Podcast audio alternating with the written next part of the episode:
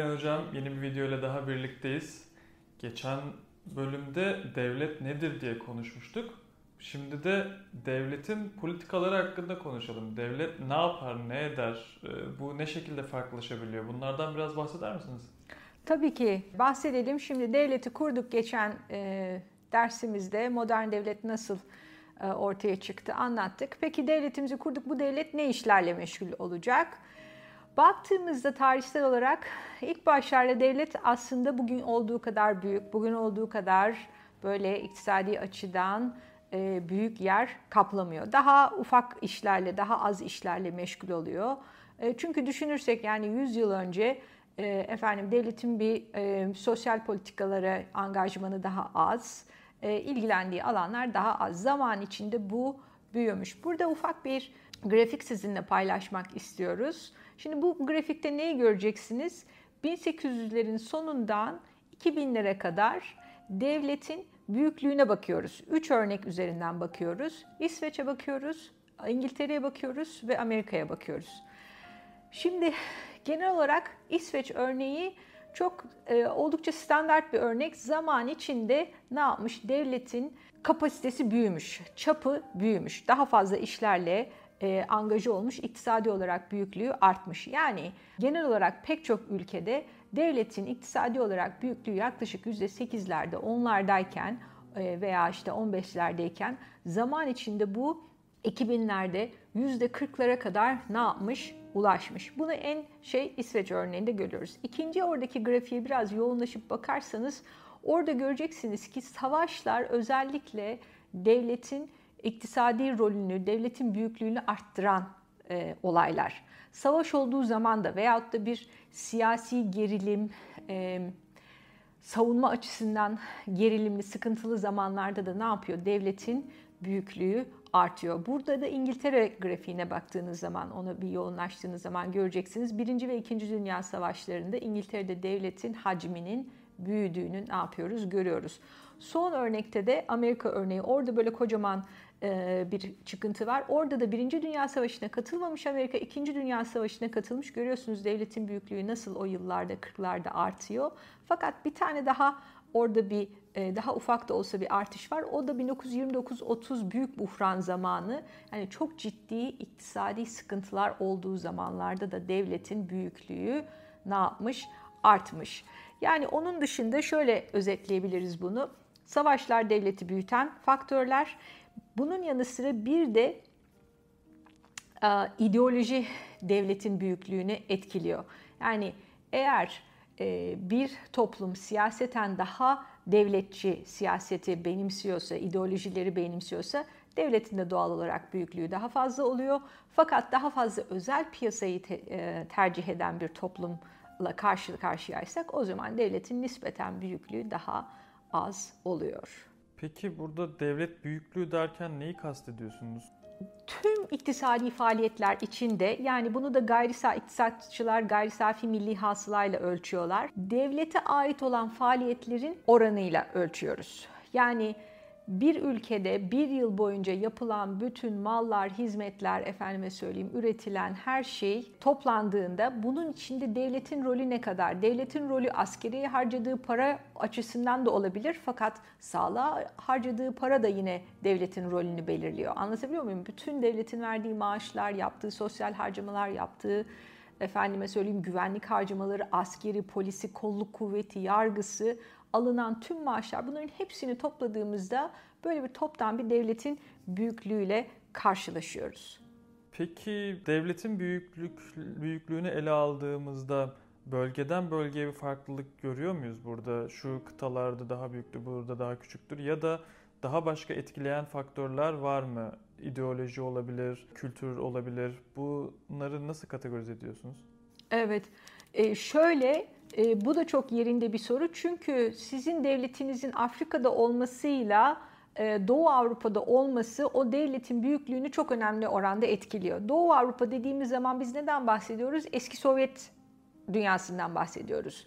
Kırgızistan'dan, Kazakistan'dan ta Polonya'ya kadar e, Sovyet e, dünya görüşüne hakim bölgelerde devletin çok daha büyük olduğunu görüyoruz. Yani iktisadi olarak işte fabrikalar, demir, tunç, efendime söyleyeyim madenler vesaire çok fazla devlet kontrolünde olduğu için bu bölgelerde eski Sovyet bölgelerinde devletin büyüklüğü çok fazla. Zamanla tabii reformize ettiler, özelleştirdiler vesaire ama genel olarak daha büyük bir devletten bahsediyoruz. Bugün mesela bakarsak Küba yine devletin çok fazla iktisattaki rolünün çok yüksek olduğu bir örnek. Fakat Üçüncü dünya dediğimiz, daha az gelişmiş bölgeler dediğimiz Afrika'da, Asya'da, Latin Amerika'da devletin daha küçük olduğunu görüyoruz. Birkaç tane mesela örnek vereyim size. Endonezya'da, Tayland'da bakıyorsunuz gayri safi milli hasılanın %18'i, %20'sini devlet kontrol ediyor. Ama mesela daha e, Doğu Avrupa ülkelerinde bu oranlar %40'lara ne yapmış oluyor? Çıkmış oluyor. Kenya'da %30'larda yani Afrika'da öyle çok devletin çok büyük olmadığı, genel olarak az gelişmiş bölgeler devletin çok fazla büyüyemediği, çok fazla büyük olmadığı bölgeler. Çünkü çok fazla sosyal bir harcama yapamıyor, çok fazla hani askeri harcama yapıyor ama yine onda da kısıtlı. Çünkü ekonomik pasta oldukça küçük. Buna kıyasla özellikle e, gayri safi milli hasılası kişi başına düşen gayri safi milli hasılanın yüksek olduğu ülkelerde, diyelim ki İskandinav ülkelerinde 60, 70, 80 bin dolarlara çıktığı ülkelerde devletin büyüklüğünün de arttığını görüyoruz. Buralarda devlet yine daha fazla iktisadi olarak e, daha fazla rol alabiliyor. Gelişmişliği de şöyle eğer kişi başına düşen gayri safi milli hasıla 25 bin doların üstündeyse bunları gelişmiş olarak kategorize ediyoruz. Türkiye şu aralar 9 bin dolarlarda vesaire. Peki hocam devlet hangi alanlarda harcama yapıyor? Önce bunu bir netleştirelim mi? Evet. Bu da çok önemli çünkü baktığımız zaman mesela ilk etapta modern devlet ortaya çıktığında modern devlet çocuk bakımı için para vermiyor değil mi? Efendime söyleyeyim anneler hamile oluyor efendim söyleyeyim doğum süresince veya işte süt parası vesaire böyle bir harcamaları yok. Zaman içinde devletin aktif olarak katıldığı sektörlerde artıyor. En başta savunma sektörünü söyleyebiliriz. Tabii ki e, hem askeri hem kolluk kuvvet, polis vesaire e, güvenlik için harcamalar var. Ama onun dışında sağlık için çok önemli devletin harcama yapması. Efendim söyleyeyim eğitim için çok önemli devletin harcama yapması. E, barınma için çok önemli devletin harcama yapması. Altyapı, telekomünikasyon, ulaşım, yollar, efendim söyleyeyim havaalanları gibi pek çok alanda devletin harcama yapması önemli. Ama onun dışında daha modern kalemler de var. Şimdi biraz sonra karşılaştırmalı ülkelerden bahsettiğimizde geleceğiz. Mesela e, araştırmaya devlet ne kadar para harcıyor? Değil mi? Üniversitelere ne kadar para harcıyor? Yüksek teknolojiye ne kadar para harcıyor? O yüzden ülkeler geliştikçe ve hatta demokratikleştikçe devletin para harcadığı kalemlerde ne yapıyor? Yavaş yavaş artıyor. Evet. Peki bu sınırlarını ne oluşturuyor? Yani devlet e, istediği gibi harcama yapabiliyor mu? Yoksa kendisini sınırlandırdığı bazı kriterler, hususlar var mı? Evet. Şimdi şöyle dalga geçeriz bazen. Yani bürokrasi böyle sonsuza kadar büyüme tendansı olan bir organizma. Devlet bürokrasisi için de böyle diyebiliriz. Çünkü ne yapalım? Mesela siz müdürsünüz. Sizin altınızda daha çok insan olmak istersiniz. Şef de efendim biz biraz daha insan alalım. Benden daha fazla insan yani böyle bir bürokrasinin doğal bir büyüme tendansı var. Fakat bunun önünde önemli frenler var. Bir tanesi iktisadi büyüklük. Yani eğer siz devleti çok aşırı derecede büyütürseniz bu devlet neye rağmen büyüyor? Özel sektöre rağmen büyüyor. O zaman ne yapıyorsunuz? Her şeyi kamu çerçevesi altına almış oluyorsunuz. Özel sektörün dinamizmini, girişimini vesaire ne yapmış oluyorsunuz? Baltalamış oluyorsunuz. İkinci önemli fren devletin ideolojisi. Yani Mesela yine Amerika'dan örnek vereceğim ama yani İngiltere'de de bu böyle. E, Şili'de bu böyle. Efendime söyleyeyim yani piyasa yap. E, Singapur'da böyle. Bazı ülkelerde, bazı topluluklarda sizin bazı şeyleri kendinizin başarması beklenir. Yani hastaysan paranı kazan, hastaneye git, özel hastaneye git. Devlet sana bu hizmeti ucuza veya bila ücret vermek zorunda değil düşüncesi yaygındır. O yüzden yani böyle özel sektörü tercih eden kültürlerde de yine devletin büyümesi üzerinde doğal bir ideolojik ne yapıyor? Fren mekanizması oluşmuş oluyor. Üçüncü önemli e, mekanizmada yani devlet otoriter mi demokratik mi? Bu da farklı bir şey. Hani devlet çok otoriterse eğer çok umurunda olmuyorsunuz siz onun hani sağlıklı mısınız, eğitim almış mısınız vesaire. Fakat demokratik olduğunda bunu da yine siyaset bilimciler ampirik olarak ortaya çıkarmışlar. Atmışlar yani aynı gelir düzeyinde iktisadi açıdan kontrol ettiğimiz zaman devletleri demokratik devletlerle otoriter devletler arasında ne gibi farklar var ve şunu bulmuşlar. Eğer iktisadi açıdan aralarında hiçbir fark yoksa demokratik ülkelerde insanlar daha uzun yaşıyorlar. Demokratik ülkeler, ülkelerde insanlar daha fazla eğitim alabiliyorlar. Bu da doğal olarak neye yol açıyor? Sizin devlet olarak demokrasiyseniz eğer bu alanlarda daha fazla harcama yapmanızı gerektiriyor. Yani devletin e, demokratik olup olmaması da e, devletin büyüklüğünü belirleyen faktörlerden bir tanesi. Devletin büyüklüğü derken bunun içerisine sadece merkezi yönetim mi giriyor yoksa belediyelerde giriyor mu? Belediyeler de gidiyor. Tabii kamu kamu otoritesi. Yani çünkü onlar da özel sektör değil. Burada direkt hani özel ve devlet olarak böldük. Yani yerel, muhtardan, belediyeden şeye kadar kamu sektörü diyelim buna. Ondan sonra bunların hepsinin toplam iktisadi büyüklüğüne işte devletin büyüklüğü diyoruz kısaca. Devletin birçok konu için para harcadığından konuştuk. Peki her türlü para harcama refah devleti dediğimiz o kavramı bize ulaştırıyor mu? Bu refah devletinin çeşitleri var mı? Nedir bu refah devleti? Ondan biraz bahsedin isterseniz. Evet. Evet bu da çok önemli çünkü devletin her harcadığı para bizim refahımız için değil. Yani hakikaten özellikle yani Türkiye'de bunu görüyoruz. Ee, yani her kamu harcaması kamunun refahı için olmuyor. O yüzden bakalım yani refah devleti kavramında özellikle kamunun refahı için nelere bakıyoruz? Nelere bakıyoruz? Sağlık harcamasına bakıyoruz, eğitim harcamasına bakıyoruz. Ondan sonra sosyal yardımlara bakıyoruz. Diyelim ki işsizlik yardımı, efendime söyleyeyim siz belli bir süre işten ayrılmışsınız. Gebelik sebebiyle olabilir, hastalık sebebiyle olabilir veyahut da bir iş kazası sebebiyle ayrılmak zorundasınız. Yani bunu da literatür böyle sosyal güvence havzası olarak tanımlıyor. Yani size devlet ne kadar geniş bir sosyal güvence e, kapsamı sunuyor. Buna göre refah devletinin de çeşitleri var. E, burada yani çok çok çok sevdiğim hocalarımdan bir tanesi bize ilk bu kavramı e, ta, tanıştırmıştı. Or, orada da Espin Anderson'ın bir, bir kitabını kullanmıştık. Böyle üçe ayırıyor Espin Anderson refah devleti modellerini. Şöyle yapabiliriz. Bunu grafik olarak da göstermeye çalışacağız e, izleyicilerimize. Bir uçta sosyal demokrat model var, bir uçta liberal model var. Liberal modelde devlet size minimal bir sosyal güvence sunuyor. Yani ortalık yanıyor, çok zor durumdasın. Yani artık işsizsin, çok yaşlısın, 65 yaşını geçmişsin. Efendime söyleyeyim tamam o zaman şimdiden sonra sağlık hizmetleri sana bedava. Ama 65 yaşına kadar senin ulaşman lazım canlı bir şekilde. Özel olarak sigortanı karşılayacaksın efendim paralarını ödeyeceksin hastaneye. Buna biz bu liberal modeli aynı zamanda Anglo-Amerikan model de diyoruz. Bu model bu böyle minimalist ancak çok gerektiği zaman devlet sana el atıyor modeli e, Amerika'da, İngiltere'de e, ve de Şili'de yani yaygın. Şey de böyle, Filipinler, e, Singapur'da böyle. Yani bu modelin yaygın olduğu az ülke var ama yani bu oldukça böyle hani her koyun kendi bacağından asılır bizdeki amiyane taburla. Biraz devletin tavrı o. Önce sen kendini koru kolla bir şeyler yap. Yani çok da zor durumdaysan artık biz sana el atacağız modeli. Bunun tam tersi sosyal demokrat model ise Buna da aynı zamanda İskandinav modeli de diyoruz. Neden? Çünkü en yaygın, en semptomatik olarak görüldüğü yer İsveç, Norveç, Danimarka gibi ülkeler, Finlandiya. Bu, burada sen fakir olduğunu, hasta olduğunu, eğitime ihtiyacı, ihtiyacın olduğunu ispatlamak zorunda değilsin. Evrensel olarak herkese sunuluyor. Çocuk yardım mı yapılacak?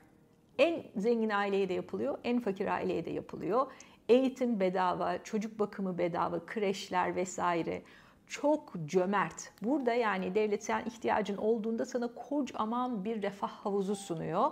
Ondan sonra e, ve vatandaşı da piyasa etkilerine karşı koruma amacında devlet. Yani o yüzden de eğitim, sağlık bunlar meta değil. Bunlar herkesin ulaşabileceği sosyal hizmetler. Bu iki e, kutubun ortasında bir de bizim muhafazakar modelimiz var. Bu da daha çok yine kıta Avrupa'sında daha yaygın. Bu hatta belki biz de bu modele daha yakınız. E, burada Devlet bir şeyler sunuyor size. Devlet bir sosyal refah sunuyor fakat devletin geleneksel aile değerlerini tercih etme gibi bir pozisyonu var. Yani ne yapıyorsunuz? Siz çalışıyorsunuz. Ondan sonra çocuğunuz oldu. Devlet kadının bu görevi, çocuk bakım görevini kadına yüklüyor bu durumlarda. Yani böyle bir geleneksel iş bölümü algılanmış. Bu da tabii yavaş yavaş orada da yani kıta Avrupa'sında da reformize oluyor ama ilk çıktığı zamanlara, Esping Anders'ın ilk çıktığı zamanlara baktığında Almanya'da, e, Güney Avrupa'da e, çok böyle bunlar hani geleneksel aile değerlerini tercih eden ülkelerde ortaya konulan e, sosyal politikalar bunlar. Ne yapıyor? Anneliği özendiriyor. Aile tek birey olarak mesela işte çocuk evlat edinemiyorsunuz. E, aile olmanız gerekiyor gibi böyle yani tercihini aileden yana kullanan bir model var ortadaki modelimiz. Şuna gelebiliriz burada. Yani skalamızın bir tarafında daha evrensel, daha bireyci e, modeller var. Ondan sonra ortasında daha daha aile, daha geleneksel bir model var. Ondan sonra Anglo-Sakson modelde ise yine daha piyasacı bir model var. Devleti daha minimal aktif aktif eden. Evet. Sizi tabii böyle anlatınca ister istemez insan İskandinav modeli kendisini yakın hissediyor. Ya keşke biz de öyle olsak diye insan düşünmeden edemiyor. Ama bunun finansmanı nereden geliyor? Yani biz olabilir miyiz o şekilde bir e, o modeli benimseyebilir miyiz? Sosyal demokrat bir modeli tam anlamıyla benimseyebilir miyiz? Bir de bunun dezavantajları var mı? Ne gibi yükümlülükler yüklüyor aslında vatandaşın omzuna? Belki biraz da onlardan bahsetmek iyi olabilir. Tabii bu hakikaten çok önemli bir soru. Çünkü yani çok cömert bir refah devleti kurduk. E bunu nasıl finanse edeceğiz? Şimdi ee, şöyle bir şey var. Özellikle Norveç'te bunların o Kuzey Denizi'ndeki petrol orada kocaman bir altın e, yumurtlayan tavuk gibi. Ee, onlar biraz daha hani elleri bol. Efendime söyleyeyim fonlarla vesaire dünya çapında o paralar yatırım yapılıyor. Yani orada kese bol ve kesenin ağzı geniş tutuluyor. O yüzden bu şekilde hani iktisadi olarak sıkıntısı olmayan ülkelerde bu kadar cömert bir e, refah devleti kurmak çok masraflı. Fakat ona rağmen İskandinav ülkelerindeki bir önemli özellik vergi oranları çok yüksek. Özellikle üst gelir dilimlerinde vergi oranları çok yüksek ama hiçbir şey hemen hemen para ödemiyorsunuz. Bir yıldan fazla maaşlı izin alıyorsunuz. Hem anne hem baba izin alıyor. Çok yakın ahbaplarımız var Norveçli. Böyle ömrümüz onlara özenmekle geçti. Ee, biz çocuk doğurduk, perişan olduk bakmaya çalışırken ben maaşımın üçte ikisini kreşe ödüyordum. Onlar her türlü masrafları karşılanmış. Bir de bir yıldan fazla süreyle ya anne e, izinli olabiliyor ya baba. ikisi de kullanabiliyor o ücretli izini evde çocuk bakımı için. Ondan sonra yani hakikaten çok cömert fakat çok ciddi bir vergi yükü var. Bu da toplum mesela e, toplumun bunu benimsemesi lazım. Yani ben gelirimin %70'ini vereceğim devlete ama ee, devlet efendim söyleyeyim yaşlıları bakım evi kuracak, çocuklara kreş kuracak. E, benim yaşlım yoksa, çocuğum yoksa niye ben maaşımın %70'ini vereyim diye düşünmemesi lazım vatandaşın. Mesela ben yani Amerika'daki şeye bakıyorum. Orada çok kısıtlı. Yani sağlık sigortası imkanları inanılmaz kısıtlı ve biz ne zaman hani ya sizdeki bu sağlık sigortası da biraz problemli yani insanlar perişan ağızlarında diş yok 30-40 milyon insanın sağlık sigortası yok dediğimizde ben çok nadir duyuyorum öğrencilerinden. Evet yani vergiler biraz daha artsa belki sağlığa para harcansa diye bir toplu yani tabandan gelen bir talep kesinlikle yok. Evet çalışsın gitsin sigorta satın alsın. Sigorta deli gibi pahalı. Yani tabii ki sigorta satın alabilse alacak zaten adam. Niye dişsiz geçsin? Ama yani böyle hani bireyci olan, daha bireyci olan toplumlarda kolektif olarak vergi verelim, hepimizin yaşam standartları yükselsin refleksi maalesef çok az. O zaman biraz da örneklerden bahsedelim. Ee, ne tür e, ülkeler var? Bu konuda biraz bilgilendirir misiniz? Yani devletin büyüklüğüyle o devletin aslında gücü arasında bir bağlantı var mı? Buna dair örnekler verebilirseniz e, daha anlamlı olur. Peki biraz daha somut örnekler üzerinden devam edelim. Çok güzel oldu bu. Şimdi 5 tane birbirine 5 benzemez örnek seçtim size. Onunla ilgili rakamlar vereceğim. Şimdi öncelikle örnekleri söyleyeyim. Bolivya. Bolivya kişi başına düşen gayri safi milli hasıla 3500 dolar Bolivya'da. İkinci sırada Türkiye var. Biz 9100 9000 dolarlardayız. Üçüncü sırada İsrail'e bakalım değil mi? Bu da Türkiye'nin çok ilgi gösterdiği vakalardan bir tanesi. 36 bin dolar kişi başına düşen gayri safi milli hasıla. Dördüncü sırada bakalım Fransa nasılmış? Onların da kişi başına gayri safi milli hasılası 43 bin dolar civarlarında. Ve en son Amerika'ya bakalım yaklaşık 60 bin dolar. Yani 3500'den 60 bin dolara kadar bir skala var. Şimdi bunların hepsi devlet, hepsi egemen, hepsinin milleti var, hepsi bir refah, sosyal hizmet yapmaya çalışıyor. En başta herkesin şeyi değil mi? Önemli. Önce bir kendimizi korumalıyız yani toprakların içinde. Önce bir savunma harcamalarına bakalım. Şimdi bakıyoruz. Bunların içinde en düşük e, savunma harcaması yapan Bolivya. 1.2 yani bütün gayri safi milli hasılasının 1.2'sini sadece savunmaya harcıyor. İkinci sırada e, Fransa 1.9. Bu da biliyorsunuz Trump zamanında NATO ile ilgili tartışma olmuştu. Bütün NATO üyeleri %2 en az gayri safi milli hasılasından savunmaya ayırsın diyordu. Fransa işte neredeyse %2, %1.9. Amerika'ya bakıyoruz. Amerika 3.3'ünü harcıyor. Yani zaten dünyanın dörtte birini kontrol eden bir ekonomi var. Yaklaşık %25'ini oluşturuyor Amerikan ekonomisi, dünya ekonomisinin. Onun da %3.3'ü e, savunmaya gidiyor. Epeyce büyük bir harcama bu. Türkiye'ye bakıyoruz. Türkiye'ye atlamayalım. 2.7 bizim. Yani biz diğer NATO müttefiklerimizden oransal olarak biraz daha fazla ne yapıyoruz? Harcıyoruz. Fakat en fazla oransal olarak savunmaya para harcayan İsrail 6.1 harcıyor. Yani gayri safi milli hasılasının 6.1'ini harcıyor. Bu hep bir tercih meselesi. Ona harcıyorsan öbürüne ne kadar harcıyorsun? Çok fazla öğrenci izleyicimiz var. O yüzden eğitime harcanan paralara bakalım.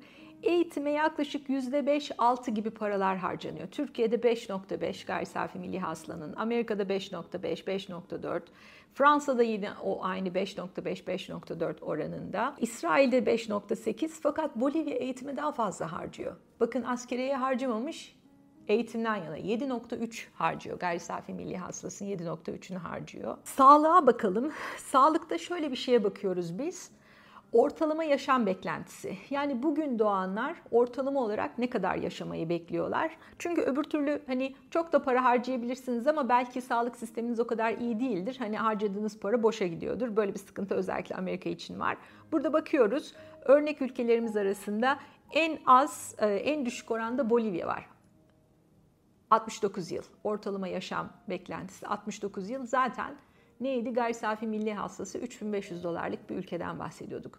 İkinci sırada bakıyorsunuz Türkiye 77 yıl ortalama yaşam beklentisi. Yani bugün doğanlar, son bu birkaç yılda doğanlar 77 yıl ortalama yaşam beklentisi var. Bizden sonra Amerika var 79 yılla. Daha sonra İsrail var 82 yıl. Yani bizimle İsrail arasında 5 yıl fark var. Ortalama İsrail'de doğmuş bir vatandaş 82 e, yıl yaşama beklentisi var. Bizde 77 yıl. En yüksek yaşam beklentisi Fransa'da 83 yıl. Ve bakıyoruz zaten yani toplam sosyal harcamaların oranı Fransa'da da yani devletin bütün harcamaları içinde sosyal harcamaların oranı en yüksek Fransa'da. Kıta Avrupası çünkü. Son olarak eğitimden de bahsettik. Evet bir şey daha söylüyorum. Yani devletleri nasıl kıyaslayabiliriz? Yani öncelikleri nedir devletlerin? Nereye para harcıyorlar? Buraya baktığımızda şey önemli. Yüksek teknoloji, araştırma, geliştirme buralara nasıl para harcıyor? Buraya da sadece para dökmekle bir şey elde edemiyorsunuz. Buradaki sonuca bakacaksınız. Orada da biz siyaset bilimciler şöyle bir şeye bakıyoruz tüm ihraç edilen mallar içerisinde yüksek teknoloji malların oranı ne kadar? Yani herkes bir şey alıyor, herkes bir şey satıyor ama kimimiz domates satıyoruz, efendime söyleyeyim kimimiz zeytin satıyoruz, kimimiz mikroçip satıyoruz, kimimiz işte Hyundai satıyoruz, araba satıyoruz. Hani toplam ihracat içinde yüksek teknoloji ihracatının oranı yine sizin devlet olarak ne kadar araştırma geliştirmeye önem verdiğinizin göstergelerinden bir tanesi. Burada maalesef maalesef hadi en iyiyle bakın Fransa en yüksek yani bu 5 örnek ülkemizin içinde Fransa %27 yani yüksek teknoloji, high tech ihracatın toplam ihracat içinde oranı %27. İsrail ve Amerika başa baş %20 bunlarda high tech ihracat oranı.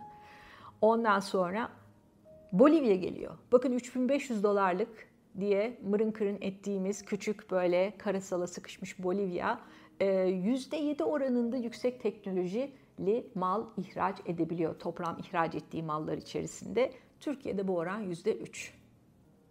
Hani bu da önemli bir e, gösterge diye düşünüyorum. Ülkelerin büyüklüğüne bakarken genelde gayri safi milli hasılaya bakıyoruz ee, ve birçok ülkenin de gayri safi milli hasılası yüksek olunca diyoruz ki bu gelişmiş bir ülke, iyi bir ülke gibi geliyor.